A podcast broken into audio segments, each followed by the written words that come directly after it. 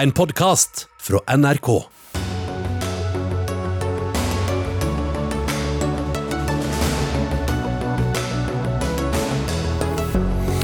Enda flere hemmeligstemplede dokumenter funnet hjemme hos USAs president Joe Biden, denne gangen i hans garasje. Regjeringen varsler nye tiltak i kampen mot den kraftige prisoppgangen på matvarer. Mye ord, lite handling, sier opposisjonen.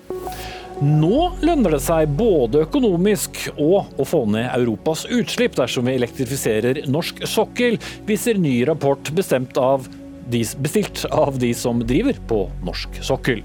Og, og tre og en halv måned med møtefri på Stortinget er for lenge, mener SV, som vil ned til to og en halv måned, men får motstand fra en av Høyres grand old men.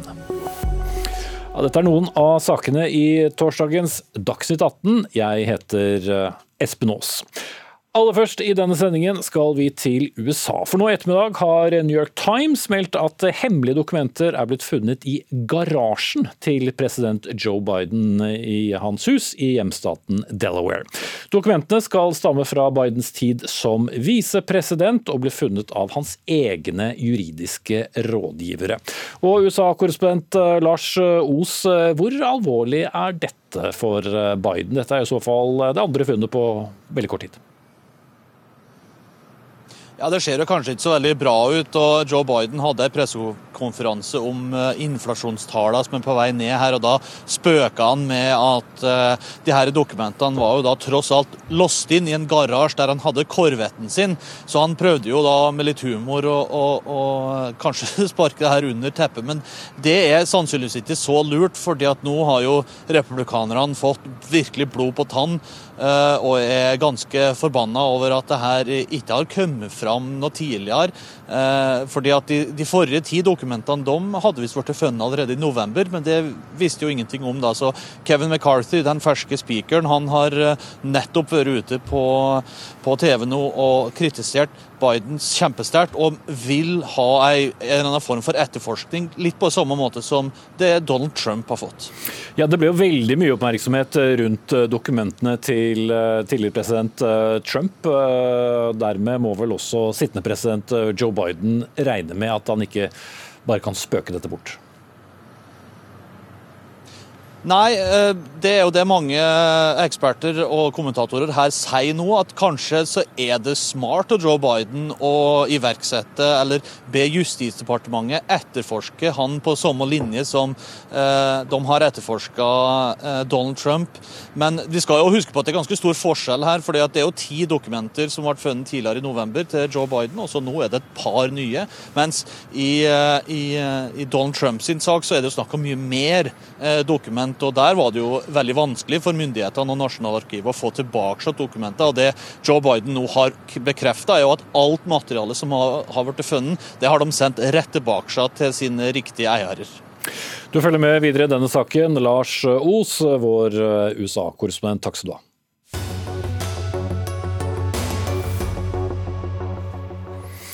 Og da skal det handle om å handle.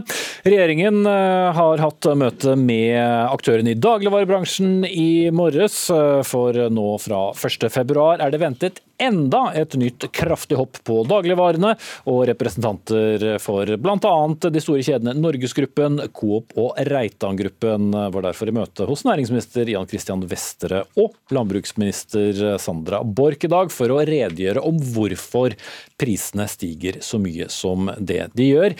11,5% i snitt fra desember 2021 til desember 2022.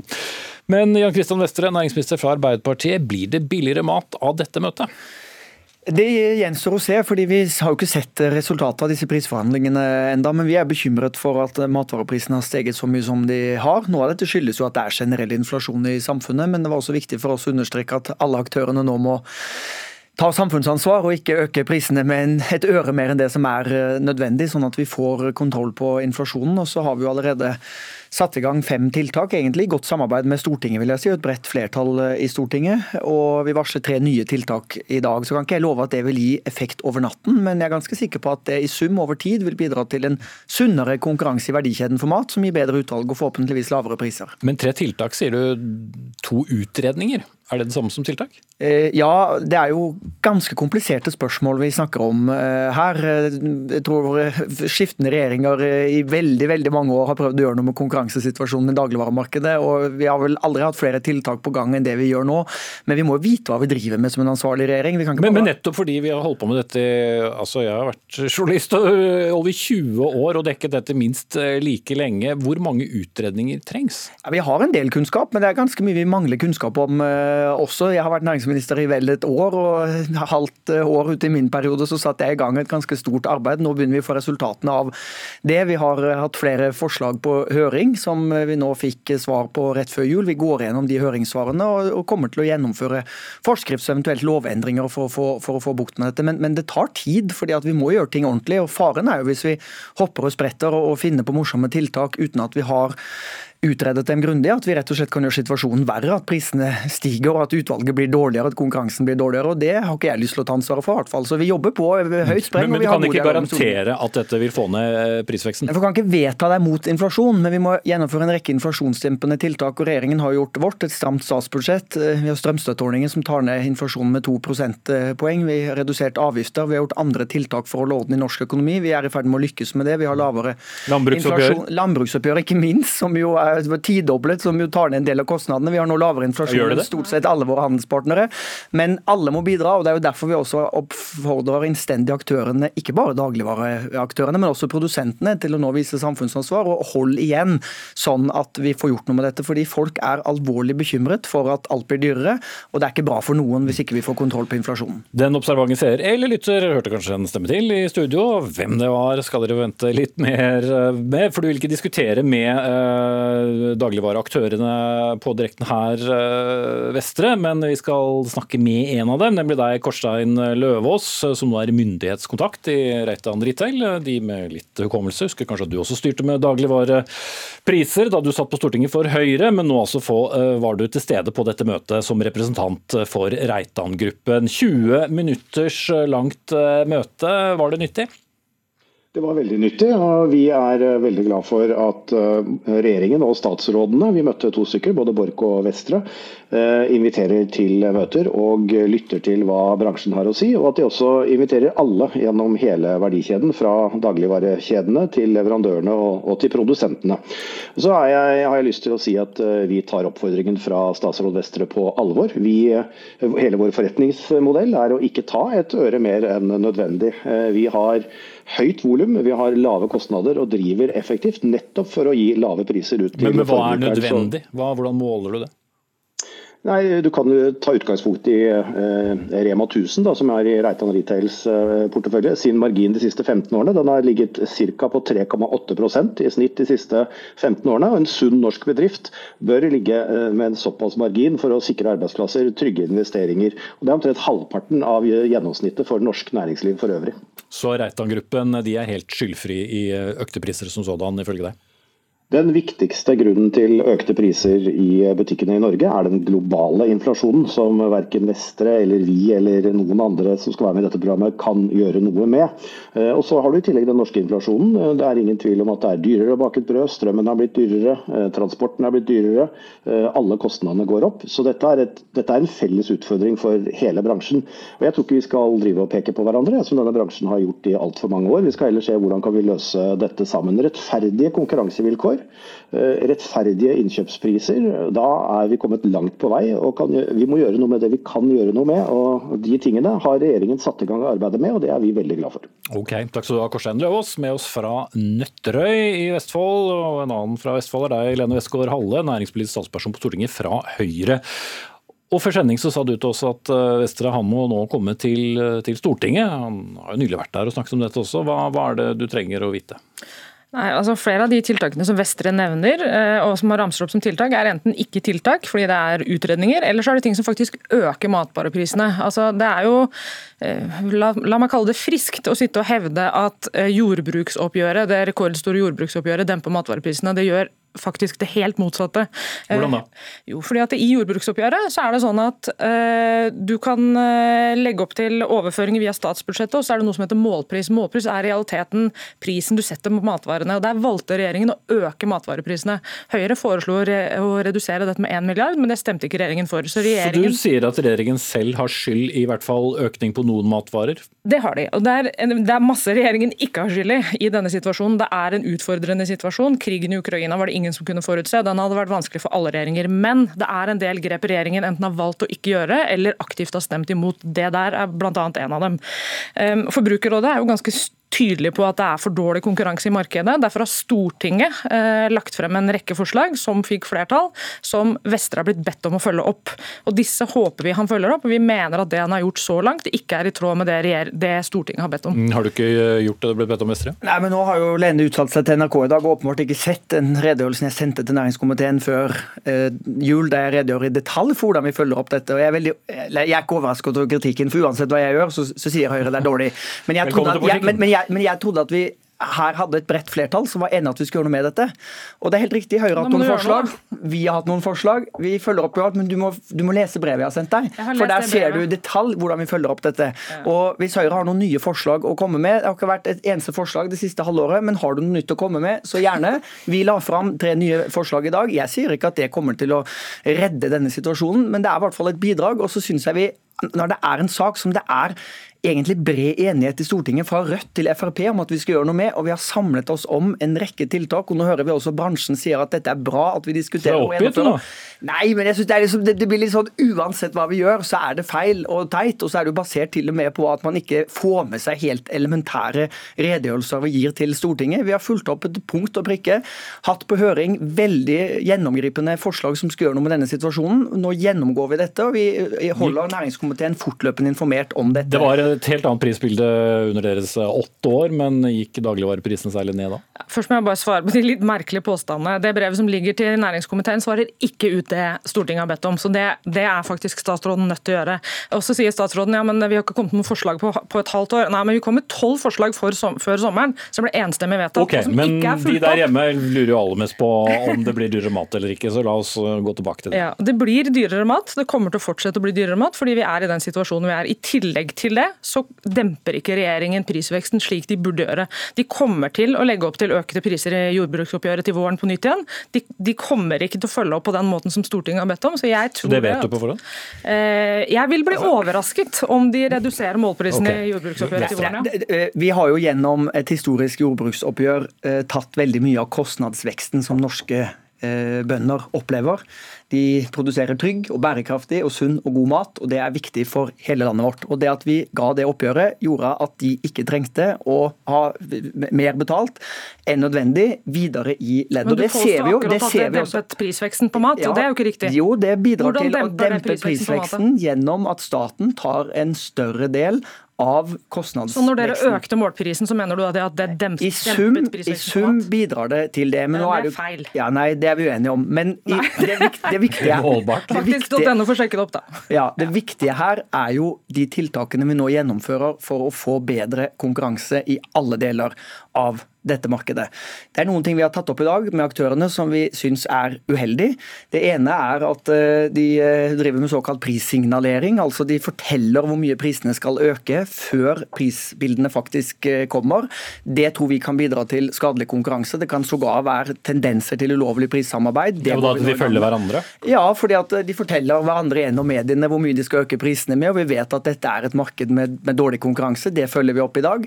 Vi har sagt vi skal be Konkurransetilsynet om å se ekstra på det, og ikke minst prisdannelsen. Det at dette er et såpass rigid marked der du bare to ganger i året kan forhandle priser, og du også deler informasjon men, men fortsatt så får du vel bare mer innsyn, kanskje, i hvordan aktørene opererer og du kan fortsatt ikke justere prisene for dem, for sånn fungerer ikke markedet. Nei, men Hvis vi da ser at det er uheldige effekter av denne praksisen, så kan konkurransemyndighetene gripe inn. Av det vi har satt i gang i dag, er denne marginstudien. Vi vil se hvor blir marginene i bransjen av. Hvorfor er det sånn at melkebøndene får 6% økt betalt, mens melka i butikken øker 12-15% det, skjer sånn jo noe med disse, det skjer jo noe med disse marginene, og dette er vi i gang med, i tillegg til de fem andre tiltakene. Okay. Så jeg vil gjerne invitere Høyre til samarbeid. La oss gjør noe med dette sammen, fordi vi har en felles interesse. Det får du mulighet til å svare på til slutt nå, Westgård Ja, altså Jeg er enig i at vi er nødt til å øke konkurransen i dagligvarebransjen. og Det er jo også grunnen til at opposisjonen la frem mange av disse før, eller mange av disse forslagene før sommeren, og fikk de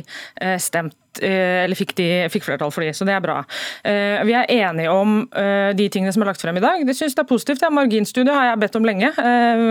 Direkte til statsråden, faktisk. Da ble det avvist. Så det at han har snudd i det, kjempeflott.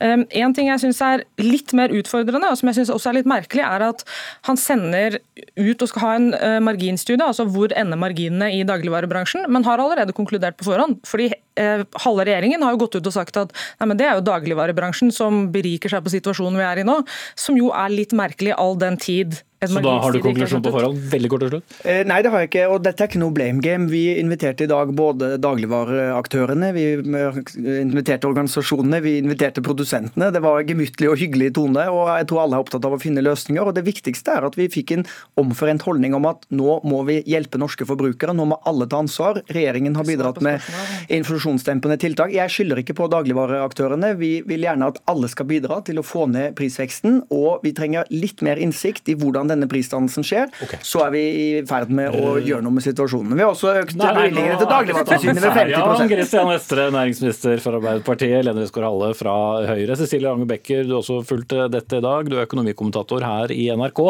Man får ikke så klart svar som ja eller nei fra noen, noen statsråd om eh, det blir lavere matvarepriser eller ikke. Tror du det blir det etter et sånt møte og disse utredningene? Spørs om du får et klart ja-nei-svar fra meg heller, men eh, ikke umiddelbart i hvert fall. Det, liksom, det folk er opptatt av nå, er jo liksom, 2023, hvordan blir det? Eh, får vi denne varslede prisøkningen på 10% på mat? Eh, ja, eh, mest sannsynlig. For dette er jo, som vi har vært inne på her, disse tiltakene det handler mye om utredninger og få svar på ting.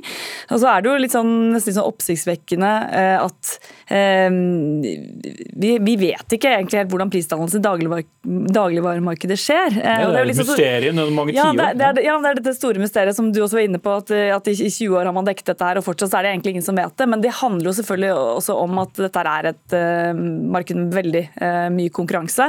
Hele forretningsmodellen til uh, kjedene det er jo å holde veldig tett på hvordan de opererer. Det samme med merkevareaktørene. sånn at De har jo heller ikke noe interesse av å gå ut med det. Dette er, dette er det de, de marginene de legger på toppen, det er det de tjener penger på. Så, så nei, ikke, vi får nok ikke noe lavere Det er ikke noe sånn at vi får matprisfall i 2023 fordi man nå har iverksatt noe. Men Du har skrevet om dette på nrk.no i dag, og du antyder vel også at det kan nesten virke mot sin hensikt om aktørene vet for mye om hverandre? Ja, det, det sånne type seanser kan føre til. Eh, sånn som, altså, dette er jo ikke første gangen at en regjering inviterer noen til å snakke om pris. Eh, man så f.eks. at eh, Siv Jensen, da hun var finansminister, inviterte bensinkjedene til å, til å, snakke, til å be dem om å moderere seg på pris. Og det det fører til, er jo at eh, kjedene og de andre aktørene kan jo eh, gi signaler ut som de kan tolke sammen. sånn at ok, og nå føler jeg meg helt trygg på at de andre sier også at nå skal eh, prisene de skal i hvert fall ikke ned. Vi, vi, er alle enige her om virker det som at prisene må ganske mye opp. Da føler jeg meg trygg. Eh, da, og Det er jo sånn som ikke bedrer konkurransesituasjonen i det hele tatt. Kan det virke mot sin hensikt at prisen stiger enda mer. Dette var det jo eh, en del, bl.a. tidligere konkurransetilsynsdirektør Lars Sjøgaard som pekte på i 2014 sammen med en del andre fra Universitetet i Oslo bl.a. Mm. Og så er det stadig tre store aktører. Norgesgruppen, Reitan og Coop. Forholdet dem imellom, kort og slutt? Ja, vi skal jo være glad for at de er litt uenige, da, for det bidrar jo til å bedre konkurransesituasjonen. Men de er jo uenige om bl.a. dette med innkjøpsbetingelser. Dette har vært en het potet i mange år, og er jo det de kanskje krangler aller eh, mest om. Der hvor bl.a. Reitan, det, det blant Reitan-gruppen eh, pleier å trekke frem oftest. Mm. Får se om det vil vare. Cecilie Lange Bekker, økonomikommentator i NRK. Vi går videre i sendingen.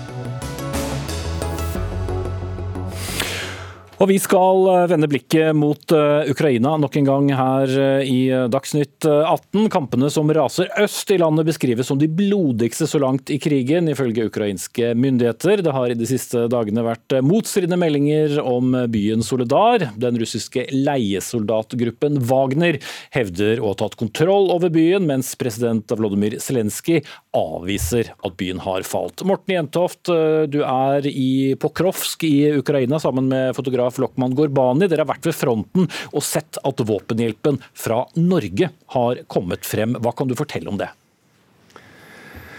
Ja, vi var med eh, den 72. brigaden, eh, motoriserte brigaden i den ukrainske hæren nå i ettermiddag til eh, fronten utenfor Donetsk by. Og Der fikk vi se et såkalt selvdrevet artilleri av type M109, som da Norge har gitt 22 stykker av da til Ukraina. Og Der fikk vi rett og slett se at dette tunge norske artilleriet, ja det er en del av denne blodige krigen som du refererer refererte til her øst i eh, Europa.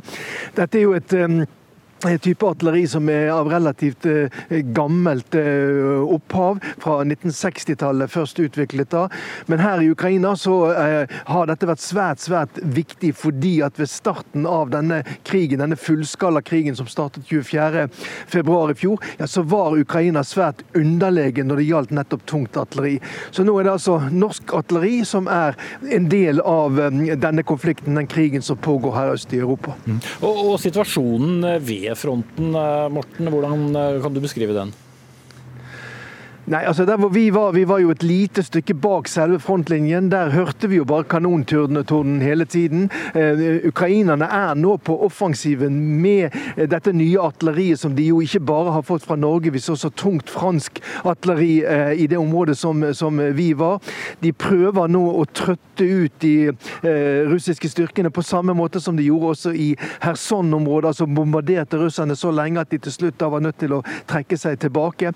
I tillegg til det så pågår jo da det som du refererte til i sted, disse slagene om byene Solidar og Bakhmut. Og Når det gjelder Solidar, så sa jo eh, den ukrainske presidenten Volodymyr Zelenskyj nå nettopp at eh, de ukrainske styrkene som er i området skal få all den støtte, all den ammunisjon som de trenger.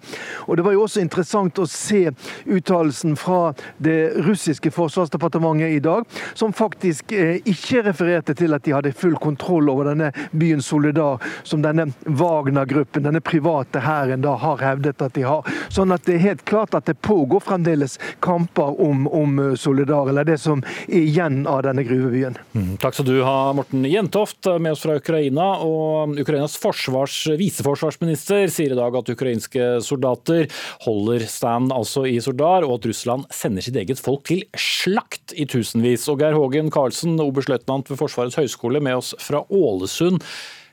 Ofrer Russland folk? Ja, Det har ikke vært eh, tilsvarende tap av soldater i Europa siden andre verdenskrig. Eh, jeg tror, og Det er litt vanskelig å ha nøyaktige tall, men at de på dårlige dager kan miste mange mange hundre, det er det ingen tvil om. Eh, og Vi ser også måten de gjennomfører på. Dårlig trente folk, eh, dårlig ledet, dårlig utstyrt. Eh, nærmest jages framover i frontalangrep. Og Det har i hvert fall vært en del bilder som har dokumentert at de har blitt massakrert ute på åpne områder med artilleri og sikkert maskingevær og andre systemer. Så dette er, dette er som i gamle dager. Men det som skjer, er at russerne bruker de nymobiliserte soldatene eh, uten hensyn til tap, egentlig. Er villige til å ta store tap for å holde stillingene, kanskje gjøre helt minimale fremskritt rundt eh, den helt uviktige byen Soledar, som er et skritt på veien til den fortsatt ganske uviktige byen Bakhmut. Men sammenligning med andre verdenskrig er jo en, en ganske heftig en, Geir Hågen Carlsen, med de vanvittige tapene som russerne hadde den gangen. Ja da, men eh, det er jo ikke sånn overalt. Men det vi ser nå, det, særlig rundt Soledar Bakhmut, hvor de hardeste kampene har pågått i lang tid, det, det ligner veldig. Eh, vi har ikke sett sånt andre steder. Eh, jeg var selv med i Bosnia på 90-tallet, hvor det var store tap, men det var fortsatt ingenting i nærheten av dette her. Så, så det er ingen tvil om at belastningen på, på, det russiske samfunnet kommer til å bli brutal.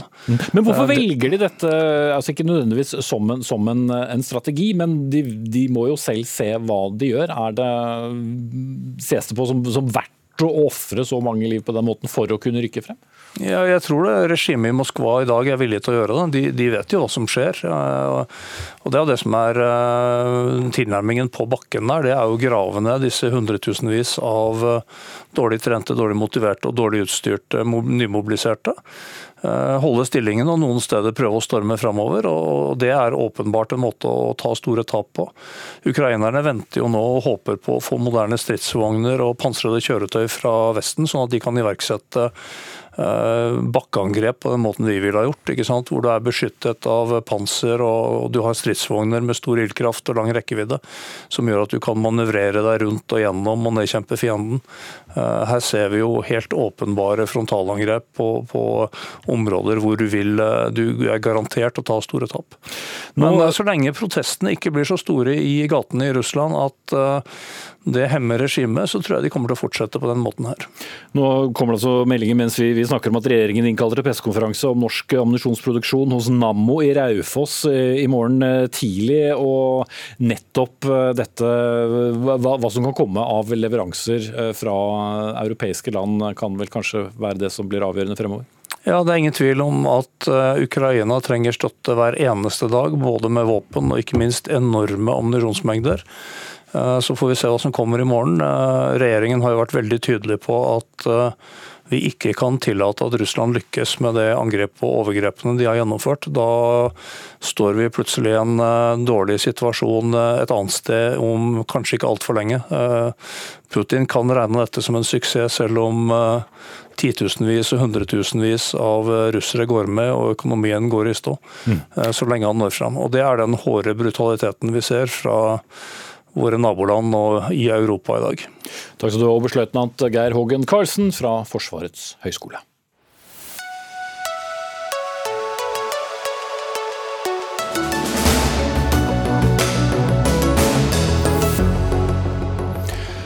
Fremskrittspartiet og Venstre forsøkte i dag å fjerne odelsretten, altså arvingers rett til å overta en landbrukseiendom. Forslaget om å endre den grunnlovsfestede ordningen ble altså fremmet i Stortinget i dag, ble solid nedstemt. Bare 27 representanter stemte for. Men Fremskrittspartiet mener det uansett bare er et spørsmål om tid før denne odelsretten havner på historiens skraphaug. Det var Nasjonen som først skrev om dette forslaget. Vi skal diskutere det politisk snart, men jeg vil begynne med deg, Ragnhild. Ragnhild Håvengen. Du er odelsjente fra Sel i Gudbrandsdalen, men var eh, i sin tid veldig i tvil om du skulle overta gården som du da hadde odel på. På hvilken måte var denne odelsretten vanskelig for din del? Du vet, Odelsretten ble på en måte eldre ordentlig. Den ble liksom ikke kommunisert. Du var født først, og da er du født inn i en rett foran andre søsken. Slik at eh, det var liksom ikke så Det var bare slik det ble. Inntil at jeg hadde, tok en utdanning innen noe annet enn landbruket. Jeg ble sykepleier og helsesøster og tenkte at da kommer jeg tilbake til bygda med det. Men ehm, så vil, vil det seg annerledes. Gifta meg med en sivilingeniør og ble boende i Oslo. Og fikk to sønner her. Og så begynte foreldrene mine å bli litt utålmodige og liksom sa at ja, men Ragnhild Ja, ja da, da, da, lurte de på Er det ikke snart tid for oss å tenke på Kanskje andre har lyst til å overta odel? Og den retten lot det gå til søstrene mine. Men, eh, men altså, som de sa, det har liksom aldri vært kommunisert i søskenflokk eller blant oss tre i det hele tatt. Og det har aldri vært brakk på banen. Det har på en måte vært plassert hos meg. Den eldste har odelsrett. Du har jo ikke odelsplikt. Men, men det var sånn det føltes? Men det, det, blir liksom, det er noe veldig sånn ikonisk over odel. Det blir liksom noe veldig Bare det jeg har beveget meg mye rundt i Oslo, bare det å være odelsjente. Liksom, er du odelsjente? Det blir veldig slik så iallfall så ble det sånn at uh, de syntes det var, for, var, vanskelig. De var midt i sin egen etablering og hadde ikke tenkt på den måten i det hele tatt. Mm. Men, men, Det var nå din historie, men ser du også at det kan være da en fordel også eh, at det finnes en, eh, en mulighet til at man skal arve da familiegården også når man skal f.eks. kjøpe ut sine slektninger? Altså jeg ser absolutt at det å ha en familietilknytning har absolutt en fordel. Men jeg tror på en måte at eh, det, det er blant søsken jeg tror, det, jeg tror det kommer lenger med det frie valg enn at det er på en, på en måte en nedarvet lagnad, liksom. Mm. At, ikke sant? Og så slik ble det iallfall blant oss. da, De var ikke klar for det. eller De var inne i, inne i etablering i andre typer liv, og jeg var, ble boende her i Oslo. Så hvordan endte dette? Ja, Det endte jo slik at, eh, at det kom tilbake til meg. Og så drev jo i, da, eller oss drev garn. Bodde i Oslo, drev garn, drev ti freda hus og, og ja, et veldig flott gardstun. Og så fikk en med meg en landbruks... En, en forvalter som, som, på en måte sto for jord og gris og den driften. Så fikk det absolutt til, men det er klart at eh, når da neste generasjon kom, mine to sønner som ikke var vokst opp der i det hele tatt, så blir det jo på en måte Da blir det liksom eh, da, da, da blir det litt vanskelig å på en måte plassere odelsretten hos dem. Og de var veldig klare på at eh, de hadde utdanning mer akademisk. og ja, tiden hadde på en måte løpt fra familien på gården. Ja. Du kan eh, bli med oss videre og høre på, på diskusjonen. Jeg begynner med deg, Nils T. Bjørke, stortingsrepresentant eh, fra Senterpartiet og tidligere leder for Bondelaget også. I 2023, det at den eldste eller den førstefødte skal ta over en landbrukseiendom, eh, henger det med i vår tid? Ja, det henger absolutt med. Og så vil jeg si, Det er jo en sterk historie å høre her. Og Det er jo det som er synd, da det ikke ble diskutert i familien. Men det at, det at en vet og kan tilpasse seg, det har jo gjort at mange tar gjerne landbruksutdanning nettopp fordi de vet de har rett til å få lov å overta.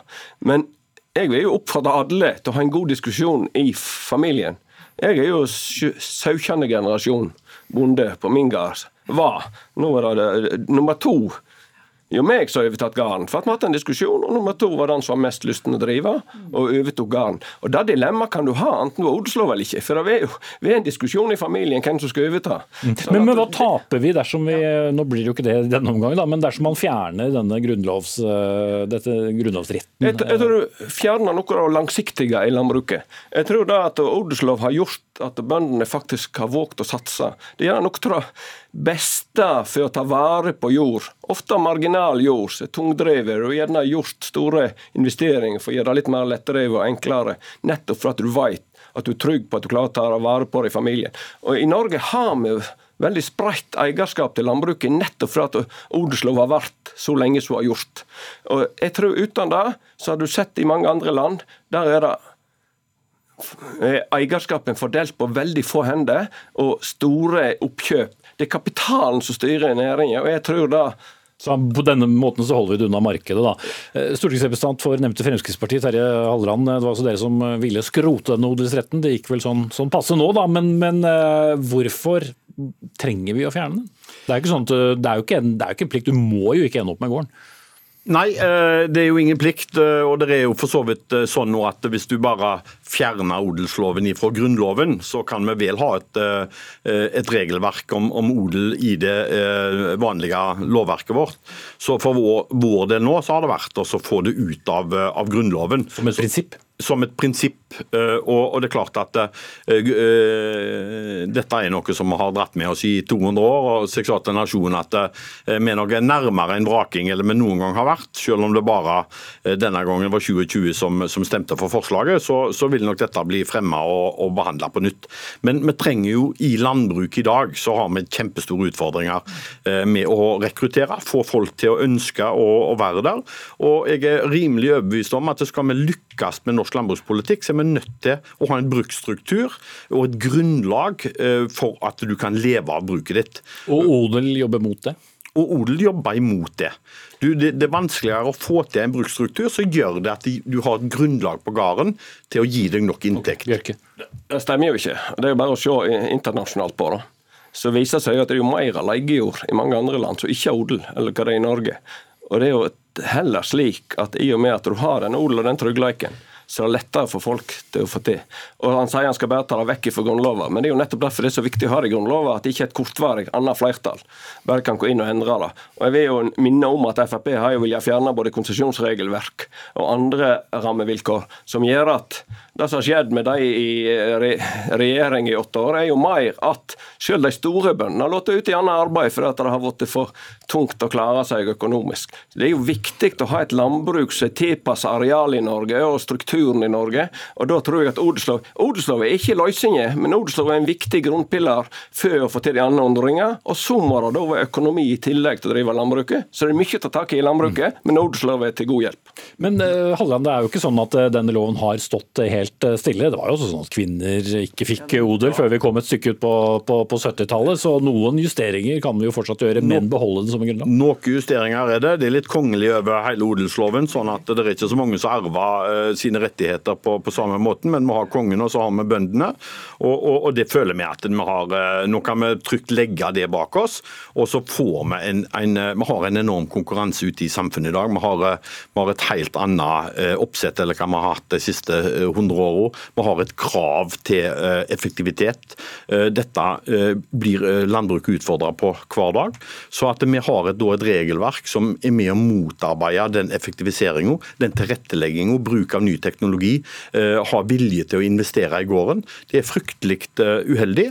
Og vi tror at dette er, er, er noe som vi må komme oss vekk fra. Ja, Ragnhild Hovengen, nå har du hørt litt på politikerne. Jeg ser du tripper etter å komme til ordet. så Ja, for det er noe med likest, I vårt likestilte samfunn så er jeg veldig usikker på at en slik en, en lov som på en måte ikke stiller søsken likt, det, synes jeg, det er på en måte, det strider imot vårt likestilte samfunn på alle måter. Og det var jo, Nå har jo det blitt kjønnsnøytralt, hadde jeg nær sagt.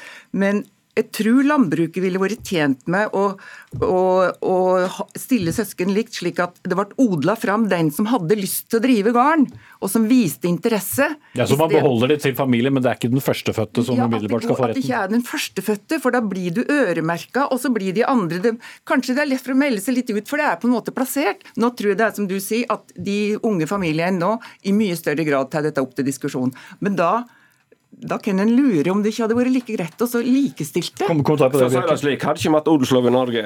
I de harde 20-30 åra, så hadde ikke, er det mange gårder som hadde vært oppkjøpte. Det er mange som har lyst til å kjøpe opp. I dag er det mange som har mye kapital, men som ikke er interessert i landbruket, men de er interessert i verdiene. Og Nettopp det har odelsloven gjør at vi sikrer at det den bonden som eier verdiene og driver det sjøl. Vi vil ha en sjøleigende bonde i Norge, ikke som i mange andre land der du er leiglending. Deler av det kunne vi regulert med et annet ordinært uh, lovverk. Du er ikke bekymret for den utviklingen overhodet? Jeg, jeg, jeg, er ikke bekymra for den utviklingen. for at Hvis vi hadde bare fått odelsloven ut av Grunnloven, Eh, og, og, og lagt et ordinert lovverk rundt dette.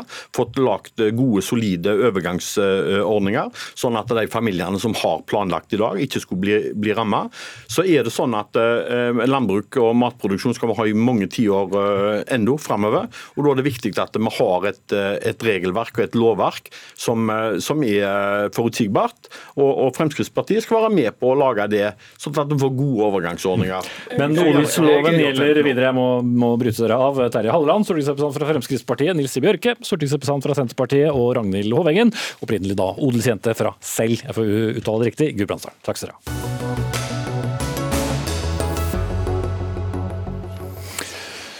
Stortingets tre og en halv måned med møtefri fra midten av juni til starten av oktober er for så vidt en gjenganger i dette studio. Eh, ofte er det de på utsiden av Stortinget som har harde meninger, men nå vil også SV gå på Grunnloven løs. Det har vært mange grunnlovsforslag i Stortinget nå eh, for å endre nasjonalforsamlingens høstoppstart til september, ikke oktober, men kun i de årene hvor det ikke er er stortingsvalg. Det kunne vi lese om i Nettavisen. Det forslaget ble også nedstemt av Freddy André Øvstegård, stortingsrepresentant fra SV. Du sitter i utdannings- og forskningskomiteen. Hvorfor har dere foreslått dette? Stortingsrepresentanter pleier jo å fortelle oss hvor mye de faktisk jobber selv, om ikke det er eh, ordinære møter. Ja, og Det gjør vi absolutt. Um, det som er bakgrunnen for dette forslaget, uh, er jo at balansen mellom storting og regjering i realiteten uh, forrykker lykkes i denne lange møtefrie perioden. Og dette dreier seg spesielt om kontrollfunksjonen som Stortinget skal eh, ivareta. Det er vi på Stortinget som er den folkevalgte forsamlinga. Eh, og det ble sagt at all makt skal være i denne sal, eh, og så er det regjeringen som skal utøve den politikken som legges derfra. Og Problemet når vi ikke er samla så lenge, eh, mens resten av samfunnet er i gang, eh, regjeringen er i gang med sitt arbeid, det er jo at eh, Stortinget blir bakpå, rett og slett. Og det er prinsipielt uheldig. Mm. Michael Tetzschner møtte på Stortinget i mange år, nå, nå vararepresentant og har tatt mange av disse debattene, hvis jeg husker rett. Du har ristet på hodet også dette forslaget, hvorfor det? Uh, mest fordi det er helt unødvendig, selv om man skulle ta hele premissettet fra uh, min gode kollega her, uh, Øvstegård. Fordi man behøver ikke skrive inn i Grunnloven at Stortinget kan ha plenumsmøter akkurat når de vil. Dette forslaget som ble, eller ikke fikk noe særlig stemmer i dag, handler jo bare om én ting, og det er når man begynner sesjonen. Eh, dette forslaget kunne ha vært eh, aktuelt å diskutere den gangen Stortinget ble høytidelig oppløst før eh, den vanlige industriferien. Men det er ikke tilfellet nå. Nå går den såkalte vårsesjonen den går ut 27.9. Og Det er opp til Stortingets egen møteplan, som Stortinget selv fastlegger hvert eneste år. Eller hvis man også vil ha mer struktur på det, kan skrive inn i forretningsorden, som kan vedtas eh, mye enklere. Men, men, men praksis er jo ikke at eh, det er så mange møter i disse tre og en halv månedene. Det skal ganske mye til for at det blir eh, innkalt stortingsmøte. Nei, men Hvis vi nå tar utgangspunkt i at SV har et uh, reelt ærend her, og, og, ikke skal surfe på en forestilling om at dette er fritid, for de folkevalgte. Og jeg er veldig glad for at jeg også har lest begrunnelsen til eh, forslagsstillerne av grunnlovsforslaget, hvor de helt har utelatt dette. Men det er ofte sånn det selges inn i mediene, at, at, Stortinget, at, at Stortinget er redd for at, at de liksom ikke skal ha fri nok. Eh, men det å ha dette tillitsvervet betyr at man er stortingsrepresentant hele tiden. Og man må også få anledning til å prioritere sin egen tid utover eh, plenumsmøtene. Mm. Så eh, bare si det at Stortinget, og der må jeg også si av innvendinger mot begrunnelsen i forslaget, for de sier at Stortinget ikke er samlet. Eh, på, på, dette tidspunktet, altså denne møtefrie perioden? Jo, Stortinget er samlet. Eh, bortsett fra den syv, Jeg har sett på møtekalenderen for i år. Stortinget går altså eh, Vårsesjonen opphører fredag 27.9. Og så møtes det neste Stortinget, det 168., på mandag den 2. oktober. Øvstegård, så det er unødvendig, eller? Nei, det er ikke det. for eh, så Tetzschner har helt rett i det formelle her. Men i praksis så viser det seg jo at det er en vanvittig høy terskel for å eh, i Uh, ordets betydning av å samle Stortinget rent fysisk, uh, i hvert fall. Uh, når det selv er store saker med massiv oppmerksomhet, stort press på Stortinget, så har det vist seg å være svært vanskelig. I fjor sommer så brukte altså Stortinget to måneder på å, klare å, på å, klare å få samle seg for å diskutere den akutte strømprissituasjonen vi hadde da. Det såkalte hastemøtet? Ja. Det såkalte hastemøtet som tok to måneder å arrangere. Og da var det jo ikke særlig ja, aktuelt lenger akkurat så, i så stor grad som det var da eh, man ønsket å, å samle det. Og, og, Det er de store sakene med massiv medieoppmerksomhet, stort stort press for å få Stortinget til å gjøre noe. Eh, det jeg er desto mer bekymra for, er jo det mer daglige arbeidet som eh, i uh, sin natur sørger for at det faktisk er Stortinget som har kontrollen på det som foregår. Uh, og det vil, man, det vil, man, ikke kunne klare å samle Stortinget for uh, i hytt og gevær hvis man ikke gjør det av ja, hvis man ikke gjør det som, som sedvane fra før.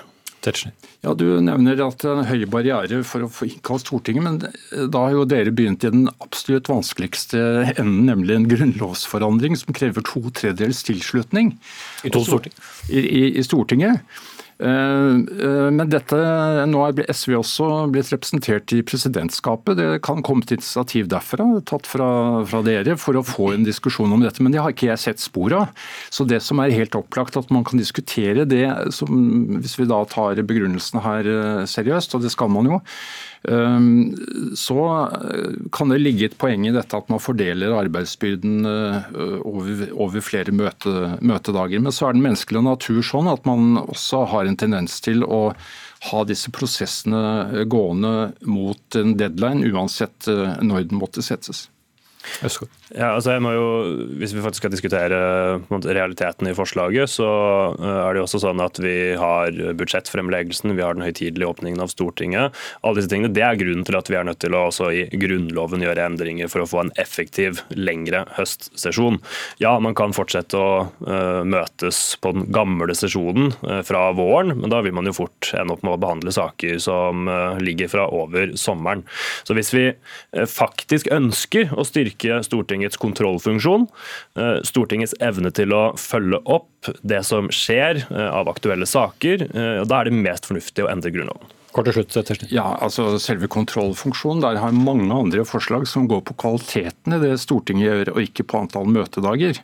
Og jeg kan, Nå skjønner jeg at tiden ikke vil rekke til å gå gjennom Korrekt. dette, men jeg har en lang liste som jeg kan uh, gi representanten Øvstegård etterpå. Det er mer tvist i skålen utenfor studio, helt sikkert. Eh, Michael Tetzschner var representant i Stortinget fra Høyre, og Freddy André Øvstegård, stortingsrepresentant eh, fra SV. Og så skal vi sikkert ha den vanlige diskusjonen når det nærmer seg våren igjen om møtefri da også. Takk skal dere ha.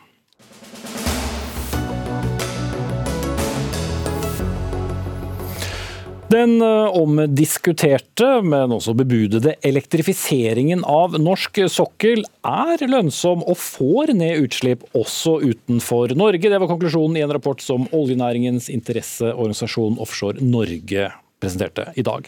Rapporten slår fast at europeiske utslipp går ned. Redusert produksjon av flytende gass som har utslipp, gjør at Norge når sine klimamål, og altså er lønnsomt. Så da fikk dere alt dere ville i en rapport, da, Benedicte Solås, direktør for klima og miljø i Offshore Norge. Ja, Vi har eh, bedt temaet om å vurdere hvorvidt det har eh, global effekt å elektrifisere norske olje- og gassinstallasjoner. Og Årsaken til det er jo nettopp fordi at denne debatten har vært prega av eh, mange som har argumentert for at man bare flytter utslipp et annet sted. Men, eh, det er vel noen som argumenterer for det fortsatt, selv om det er en annen konklusjon i den rapporten dere la frem? Det er sant, men nå håper vi jo med dette oppdaterte faktagrunnlaget at vi eh, kan slå fast en gang for alle at det har global effekt å elektrifisere norske olje- og gassinstallasjoner. Og så er det veldig mange lag i denne elektrifiseringsdebatten. sånn at Vi håper at nå vi kan parkere dette, og så kan vi gå videre til å diskutere og finne løsninger på alle de andre vanskelige problemstillingene. Bl.a. hvordan skal vi nå klimamålene, og hvordan skal vi skaffe mer fornybar kraft. Men Asbjørn Trovanger, seniorforsker ved Cicero. Er vi egentlig ferdig konkludert, selv om denne rapporten kom? Nei, dessverre. Nei. Eh, eh, denne rapporten er bra og interessant, men eh, den, det resultatet som har kommet fram i denne rapporten, er ikke bevis på at dette, altså elektrifisering har en global klimaeffekt.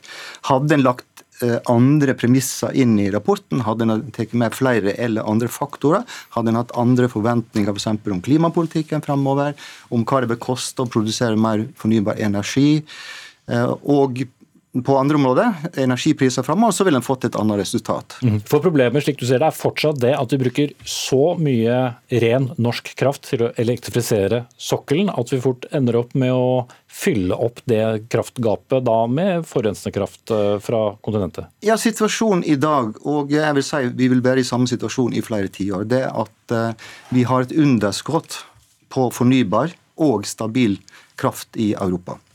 Det gjelder også Norge, fordi vi har kobla så sterkt til Europa.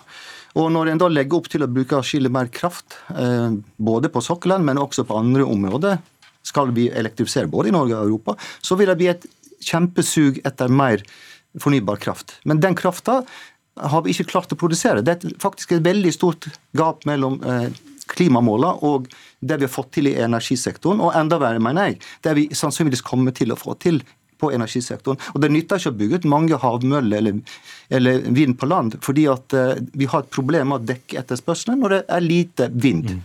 Og det, Den etterspørselen, hvordan skal vi da dekke den, Solås? Og kan ikke det fort da bli nettopp tysk kull?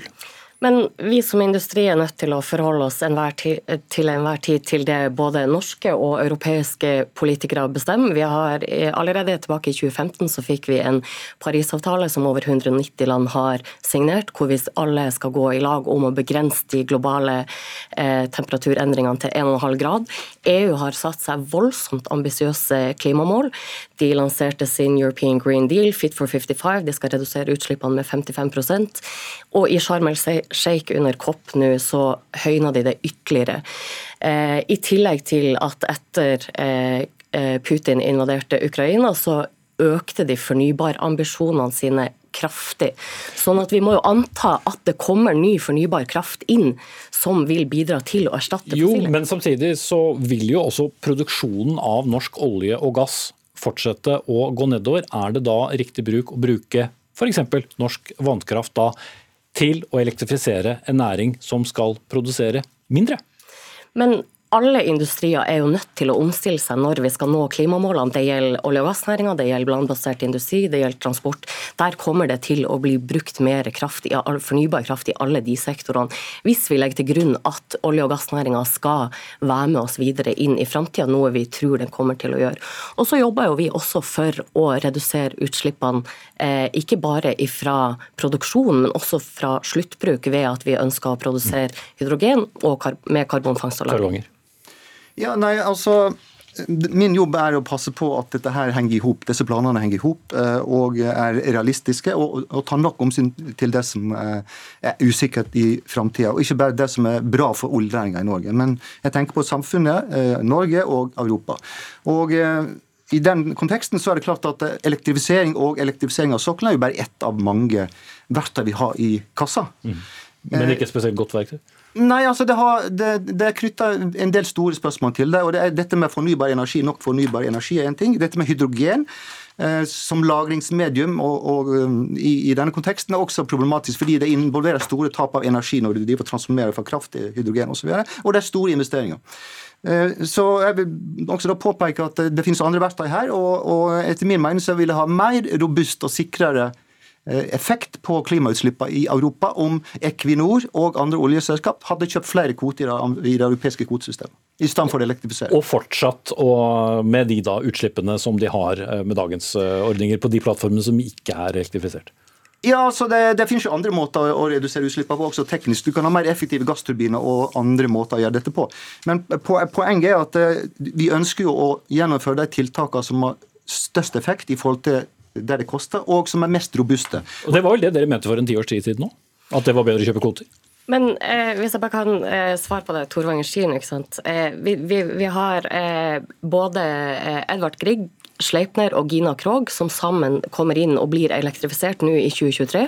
Sammen med Highwind Tampen så vil de fire prosjektene redusere utslippene med 700 000 tonn. Det er om lag like mye som eh, Bergen by slipper ut hvert år. Det kommer i produksjon i år. Disse, disse, tre feltene skal produsere til midten av 2030-tallet. Det er vesentlige utslippsreduksjoner i alle de årene. Det har jo åpenbart effekt når vi skal nå et så krevende klimamål som vi skal nå. Mm. Eh, det er ikke så ofte at eh, klimaforskere og Fremskrittspartiet er enige, men i denne saken Terje Halleland fra Fremskrittspartiet, så er dere ikke så uenige. Du har jo kalt hele denne rapporten for et bestillingsverk. Nå er det jo rent formelt det fordi jeg har bedt om rapporten, da, men det var jo ikke akkurat det du mente? Ja, jeg får jo håpe at den kvann som har bestilt den, eh, så, så, eh, har de jo fått svar på De har fått det svaret som de har ønska. Dette har jo næringen vært ute med i lang tid. Eh, og, og, det som en ikke tar med seg i, i rapporten, det er òg som Torvanger er inne på, det er jo alternativene som vi har. Hva verktøy er det vi har for å få ned klimagassutslippene? Og vi vet at i alle fall i dag så, så har vi en kraftsituasjon på land som, som er er, veldig pressa. Eh, og hvis vi skal eh, tenke klima og, og resultater av hva eh, vi bruker verktøyet vårt til, så savner jo jeg i denne rapporten at Hva om vi f.eks. hadde sendt den elektriske krafta rett til Europa? Hadde vi da hatt mindre eller større utslipp? Hvis vi hadde starta og brukt en batterifabrikk i Norge, hadde vi da fått høyere eller lavere klimagassutslipp? Ingenting i rapporten tar dette med seg. Her er det kun en rapport som forteller oss at, mer, altså at en kan bruke gassen mer effektivt i Europa okay. enn å bruke den på, på, på plattform. Statssekretær Amund Wiik fra Olje- og energidepartementet tilbake i dag fra Arbeiderpartiet. Er dette en rapport som eh, gir dere økt argumentasjon for å fortsatt ville elektrifisere norsk sokkel? Ja, altså jeg mener eh, Myndighetene i Norge har jo i vår regjering, Hurdalsplattformen, forrige regjering og flere stortingsflertall tilbake ønska at norsk olje og gass skal redusere sine utslipp i i Norge. Knytta opp mot norske klimamål, hvor det helt åpenbart har en effekt. Og også på det globale, hvor det har vært en diskusjon, men som nå i hvert fall bidrar den rapporten til å avklare noen usikkerheter rundt det. Men også fordi vi ønsker at norsk olje og gass skal kunne produsere lenge, bidra til velferdsproduksjon i Norge lenge, bidra til å skape arbeidsplasser og posisjonere seg til å ta nye spennende posisjoner. Men, men argumentet til Torvanger da om at du ender jo fort opp med å fylle opp eh, da den, eh, det kraftbehovet med noe som har utslipp, i altså, motsetning til vår egen kraft? Det vi ser nå er jo, Én uh, ting er jo uh, kraft fra land-prosjekter på, på, norsk sokkel, som bidrar til å bedre konkurranse, holde konkurransekraften, øke levetida til prosjektene der. Men så er det jo også, som, um, som Fremskrittspartiet var inne på, masse prosjekter på land. Hydrogenproduksjon, batteriproduksjon som krever mye kraft. Så det vi ser nå i Norge og i Europa, andre land i Europa, er at det grønne skiftet har hatt en litt sånn ketsjup-effekt på etterspørselssida. Og da må vi snu oss rundt og skaffe mer produksjon. Fra 2030 og ut mot 2040 så kommer jo havvind inn og produserer veldig mye kraft. Det skal omtrent doble norsk kraftproduksjon. Og fram til da så må vi finne eh, vindkraft på land og andre ting. Og så må jeg bare si en ting, og det er jo vi har jo sittet i denne, dette rommet og diskutert med, med Fremskrittspartiet om eksport av, av kraft tidligere. og det, det, er overraskende at det kommer som en potensielt alternativ klimaløsning fra Fremskrittspartiet nå å bare sende strømmen Det var vel mer et retorisk spørsmål, tror jeg. men, men, men, helt på ordentlig så mener jeg at det er veldig viktig for oss som har en interesse i å holde norsk olje- og gassvirksomhet konkurransedyktig i framtida, skape arbeidsplasser i framtida og bidra i hydrogen og andre ting. Ja, så, så hovedpoenget ditt er at da gir det mening å bruke såpass mye av norsk vannkraft til å elektrifisere sokkelen? Jeg tror det er veldig viktig, og det står i Hurdalsplattformen nå, at eh, sokkelen selv gjennom havvind eh, kan bidra til å produsere mer energi, og det gjør det jo nå. Du ser Hywind Tampen, så eh, Equinor har etter Trollvind. Men det er ikke alene nok? Nei, Ikke alene nok, men samtidig så, så, må vi jo se mener jeg, i øynene at det vi gjør på transportsektoren, det vi gjør i øvrig industri, til sammen, som jo er det større egentlig kraftforbruk, innebærer at vi uansett hva vi gjør med norsk sokkel, må produsere vesentlig mer elektrisk energi i Norge okay. for å klare det grønne skiftet. Halleland og så Torvang. Altså, det mest paradoksale i denne rapporten er jo at uh, Europa, det legges til grunn at det ikke er kvoter igjen i 2041. Da, da skal det være et fossilfritt Europa. Så vi bruker altså vår regulerbare kraft uh, i Norge for å, å sende fossilt til, uh, til Europa. og jeg, jeg, jeg, klarer ikke helt å forstå, forstå hele hensikten når vi skal gjøre det den veien der. Vi er jo nødt til å se nå på den knepte situasjonen som er på kraft, så må vi vurdere hva vi bruker kraften vår til. Okay. Og, Å bruke det til å elektrifisere sokkelen nå, det må være fullstendig malplassert. Torvanger. Ja, altså Et stort problem med hele dette måten Norge håndterer dette på, og det gjelder kobling av klima mot energi, er at vi på den ene sida skal samarbeide veldig nært med Europa og EU når det gjelder kvotehandel og på mange andre områder. På den andre sida sier de nei, dette skal vi klare helt på egen hånd. Eh, og vi har noen egne mål i Europa, som jeg mener faktisk betyr at dette blir vanskeligere og dyrere å gjennomføre. Vik øh, og så Solås. Jeg tenker Det som er viktig her nå er jo at vi ønsker at norsk olje og gass Det tror jeg og Fremskrittspartiet og Arbeiderpartiet også er enige om, at norsk olje og gass skal produsere over tid, bidra til å levere eh, disse tingene. Dersom vi ikke eh, bruker teknologi for å redusere utslippene, og effektiviseringsgevinster som også tas ut i, i næringen, så blir det vanskeligere. Sant? Da blir levetida kortere fordi kvote, kvotene de betaler må bli dyrere. Eh, og Allerede i dag så er det jo 2000 kroner ca. 1800 kroner tonnet i CO2-avgift pluss kvote på, på sokkelen. Så de tiltakene som nå kommer, kommer jo fordi eh, næringen responderer på signaler som er sendt av vår regjering og forrige regjering og regjeringen før det, om at man ønsker den type ting når det er lønnsomt og teknisk gjennomførbart. Og så er det jo viktig at Alle disse prosjektene skal jo vedtas sak for sak, og det tas jo høyde for kraftsituasjonen på land når det kommer til behandling. Men at disse selskapene nå responderer på relativt høyst pristrykk fra vår regjering og forrige regjering, Det tenker jeg Men, men sier du når det går da åpenbart, hvis du styrer mot et stort kraftunderskudd ved å elektrifisere sokkelen, så kan man trekke bremsen? Nei, det som, Etter energiloven så, så, skal man jo, hvis det er eh, nok kraft tilgjengelig, så får man tilkobling. Hvis det er mindre, så får man tilkobling på vilkårsmøte. At man må skru av produksjonen hvis det er for lite strøm. Og hvis det ikke er nok strøm, så får man ikke det. Men det er klart, dette med forbruk og priseffekter, det gjelder jo uansett om du bygger noe, en batterifabrikk på land, eller om du bygger en Men dere må ha ja eller nei i så fall, om det skal elektrifiseres eller ikke, Solås? Eller? Som jeg var inne på, så forholder vi oss til enhver til, til de politiske signalene som, eh, som, sendes både fra norske politikere og i Jo, jo, men dere har vel en egen mening? Ja, ja, absolutt. Og industrien har jo satt seg eh, veldig ambisiøse klimamål om at vi skal redusere utslippene med 50% i 2030. Eh, og sagt at elektrifisering er det viktigste tiltaket for å nå det. Og bare for å kommentere på det Halleland sier om, at, eh, om de kvotene. Dette, denne rapporten, Temaet har jo tatt utgangspunkt i både kraft, gass og kvotemarkedet og lagt det til grunn når de har gjort denne analysen. Og det er jo ikke de som sier eh, at, at, det kommer til å være fritt for kvoter i 2040.